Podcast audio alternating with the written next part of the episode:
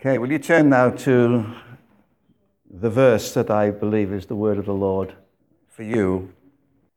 We've taken a while to get here, but we have to be ready to read this verse now. John chapter 14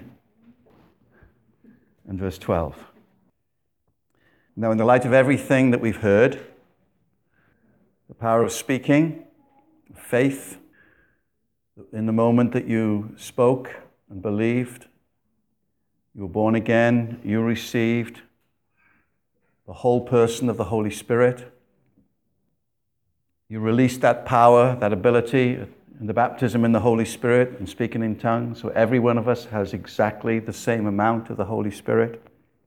That we're part of a kingdom that's expanding and growing all over the world. The gospel is growing all over the world. Now, Jesus drops this bomb on us. Okay? Uh, and this is the verse, really, if, this, if there's one verse that sums up what uh, many hundreds and thousands of believers are, putting, are finding now, it's this verse. And Jesus said this in John chapter 14 and verse 12. I assure you, believe me, anyone who believes in me, anyone, anyone who has faith in me, will also do the works that I do. And he will do even greater works than these because I'm going to the Father. Would you like to read that out loud in Norwegian on the count of three? You read it in Norwegian out loud. Read it slowly. John chapter 14, verse 12. Now read it out loud on the count of three. One, two, three.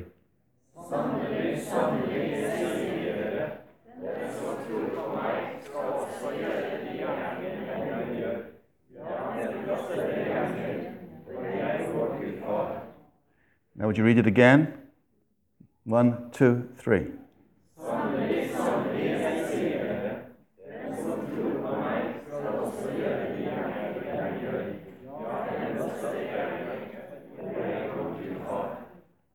Would you read it again? One, two, three.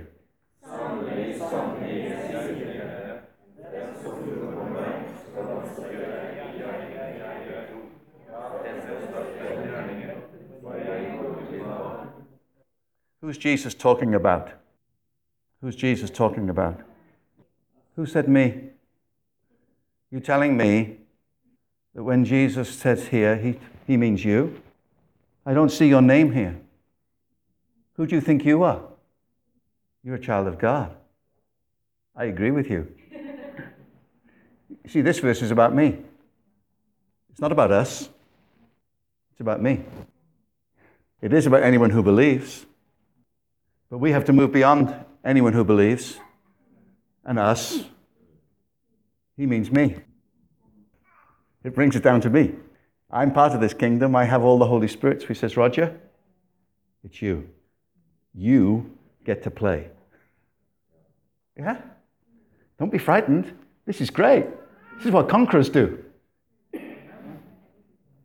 Jesus said, Because I'm going to the Father, that's the key. Because I'm going to the Father, I'm going to send the Holy Spirit to you, and the Holy Spirit is going to live in you, and He's going to do some things in you. But this is the kingdom in action. He says, Now, anyone who believes in me. Is there anyone, are there any anyone's here? He doesn't say if you're a man, or if you're a woman, or if you're Swedish, or if you've been saved for five years. He says, anyone. Is, is anybody still in here? Anybody still qualify? if you're not an anyone, I don't know what you are. anyone. Isn't that fantastic? He just says, anyone. Are you an anyone? So you, you, you must, are you still in? Are you still with us? You're still in. Isn't that great? I'm still in this. He means me. Then he says, anyone who has faith in me. So people say, oh, well, I, that's me out. I don't have faith. Well, if you don't have faith, you're not a Christian. Because you live, you live by faith, don't you? You put your faith in Jesus. You've already believed Jesus. You believe something incredible. You believe that a man died 2,000 years ago, don't you? Do you believe a man died 2,000 years ago? Yes. Speak to me. Do you believe a man died 2,000 years ago? Yeah. Yes or no? Yes. yes, you believe that. A man called Jesus of Nazareth died 2,000 years ago on a cross. Do you believe that? Yes. Do you believe that Jesus Christ died on a cross and rose again 2,000 years ago? Yes. Do you believe that he went into heaven 2,000 years ago? Yes. And you believe he's coming again? Yes. Have you ever seen him with your physical eye? No. But you believe it? Well, how, how, where's the evidence? You are. You are. You're dangerous. you believe it. You have exercised faith. So you can't say, I have no faith, because you're living by faith. So anybody still in? Yes. Anyone who has, are you still in here? Yes. You're still here? Yeah. I can't get rid of you. We're demonstrating the kingdom. It's anyone yes. who believes. Yes. Well, we have a group of people here Fantastic. who believe. Yes. And they're anyone. They, they say that they, they want to play. Hallelujah. they want to demonstrate the kingdom. So we, we better not hold them back then. Because Jesus says, well, anyone who has faith, perhaps if you're lucky and put your fingers crossed, you might be able to do the works that I do. Does he say that? What does he say? Anyone who has faith, what? Speak to me now. We're getting speak. We're going to be speakers from now on. We're not going to be. Anyone who has faith will, will. What's, what's the Norwegian for will? Say it in Norwegian. Anyone who has faith? Anyone who has faith? Anyone who has faith? Will. What will you do? Jesus said, okay, not me, Jesus Christ Himself said this Anyone who believes in me will do the works that I have been doing. And I used to say to him, Not me. No, you couldn't mean that. And one day Jesus said to me, Are you calling me a liar? No, Lord, I'm a Christian. I believe your word. He said, No, you don't. You're a liar. You're calling me a liar. I said, anyone who believes in me will do the works I've been doing. Wow. Why? Because I have the same spirit. So I started to make an excuse. And I said, well, Jesus raised the dead. I've never raised the dead, therefore I can't do the works of Jesus. So I kind of had an, I, an opt out. I've not raised the dead, so I'm, I, I don't count. Do you know Jesus saw many, many dead people? How many dead people did Jesus raise from the dead? Do you know how many dead people Jesus raised from the dead? Three. That's not a great track record. He saw lots of dead people, but he only raised three of them. Son of God! I thought at least 3,000 would, would be decent for the Son of God to raise from the dead. I know people in India who've raised more people from the dead than Jesus has. Yeah. I know people in India who've raised more people from the dead than Jesus did when he was on earth. That's normal. Because Jesus said so. You see? Now, just because I haven't raised anybody from the dead doesn't disqualify me. Because Jesus did a lot more things than just raise the dead. I, I, sometimes we think the works of Jesus, raising the dead. Jesus did lots of things. We do the works of Jesus. If there are no dead people in the room, we don't need to raise anybody from the dead. The work, that, the work of Jesus is what's required now. There's a, there's, a, there's a sick person here now, oh, but they're not dead. No, but they will be if you don't do anything. There's a sick person. So, what does Jesus do? He does his work. Be healed. Be whole. Well, how does he do that? He's not here. Yes, he is. There he is. You understand that? Oh, Jesus, if you were here, he said, I am. I'm right inside you. Get on with it. oh, Lord, but I'm just waiting for your word. He said, You don't need a word, just do the work. Lord, is it your will? He said, Just lay hands on them. These signs will accompany those who believe. Lay hands on the sick. Lord, I don't know what to do. I don't know what to pray. He said, Don't pray anything. Just put your hand on them. But Lord, what if it doesn't happen? What if it does? yeah? You understand that? Just take away all the fear. He says, You put your hands on them, I'll heal them. But what if it doesn't happen? Don't worry about that. You just do what I ask you to do. And he doesn't worry anyway.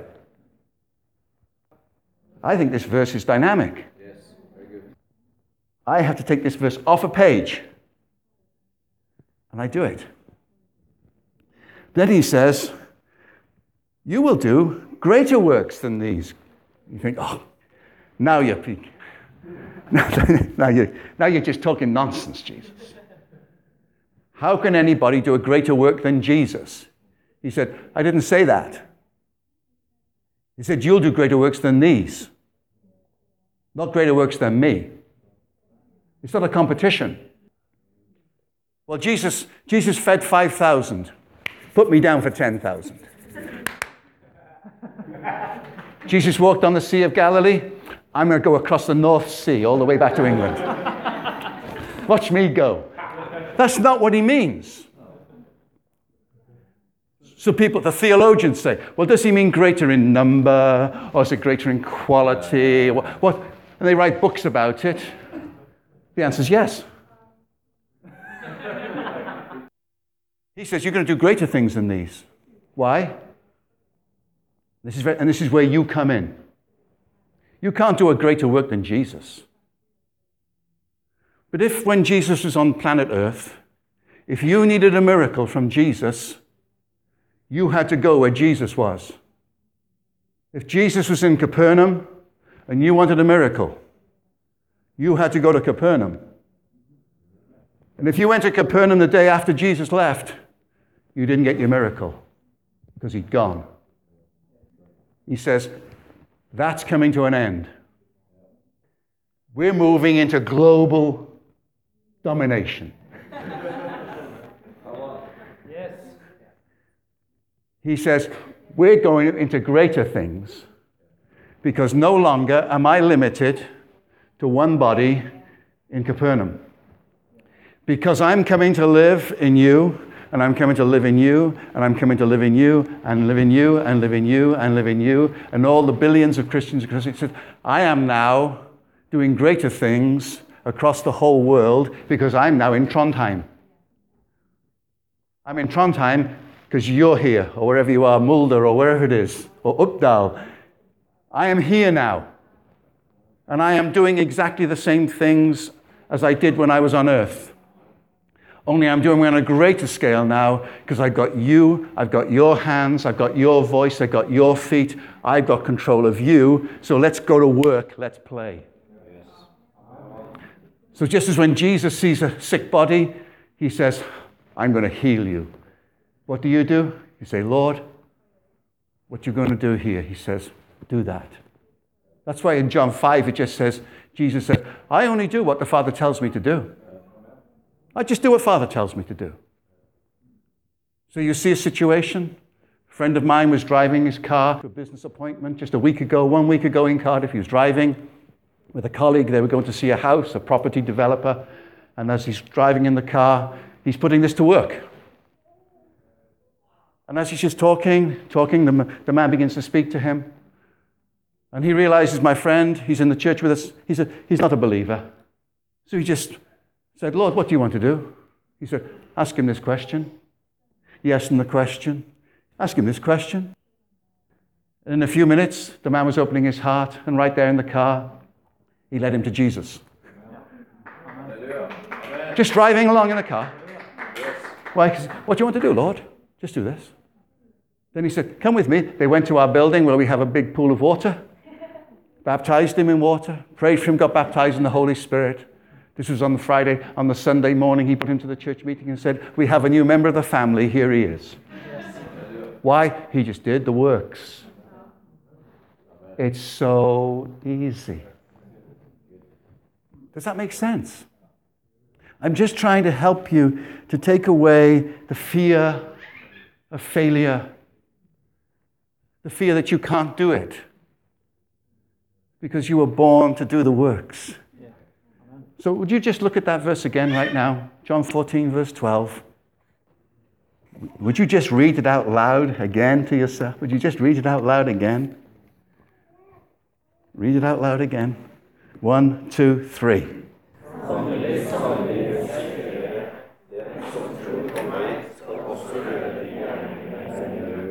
og enda større gjerninger, for jeg går til far. And one more time. Sannelig, sannelig, sier dere, den som tror på meg, skal også gjøre de jeg gjør, og enda større gjerninger, jeg går til far. That, my friends, is how you're going to write the stories for Trondheim. You won't have to be hearing stories from Wales or Freckau. You'll be writing your own stories. You, and when you come together, you say, Let me tell you what happened. This happened. This, the Lord did this. The Lord did that. And you rejoice. And you'll find you catch fire. You catch fire. And people begin to say, What's happening in uh, Trondheim? What's the news that we hear? People are getting saved. People are getting healed. Miracles and signs and wonders. They're taking. What happened? And you just say, We don't know. We just started. We just started living. We just started doing the works. It's easy, isn't it? You just go through your daily life, and the Holy Spirit speaks to you, and He says, Do that. just do it. But Lord, no longer, what if it doesn't work? What if it does? What if it does? Anybody, anybody want to play? Who'd like to play? It's not a game we're playing. This is the kingdom. I just say that because John Wimber used to say that. Everybody in this kingdom gets to play. We're all players. So just before lunch, is there anybody who is unwell? You're sick, you're in pain, you have a anybody? Is anybody here who is not well? You are not well? You're back. Okay. Is there anybody else who's not well? You're not well? Okay. Is it something you want to say what it is, or would you just like to keep it to yourself? It's up to you. You have many things. Okay. Would you like the kingdom to come to you right now? Okay. You're not well? Okay. Let's just, uh, we don't need any music right now. Thank you. Bless you. That's, we're just going to put the kingdom to work then. Why not? We're here now. Let's play.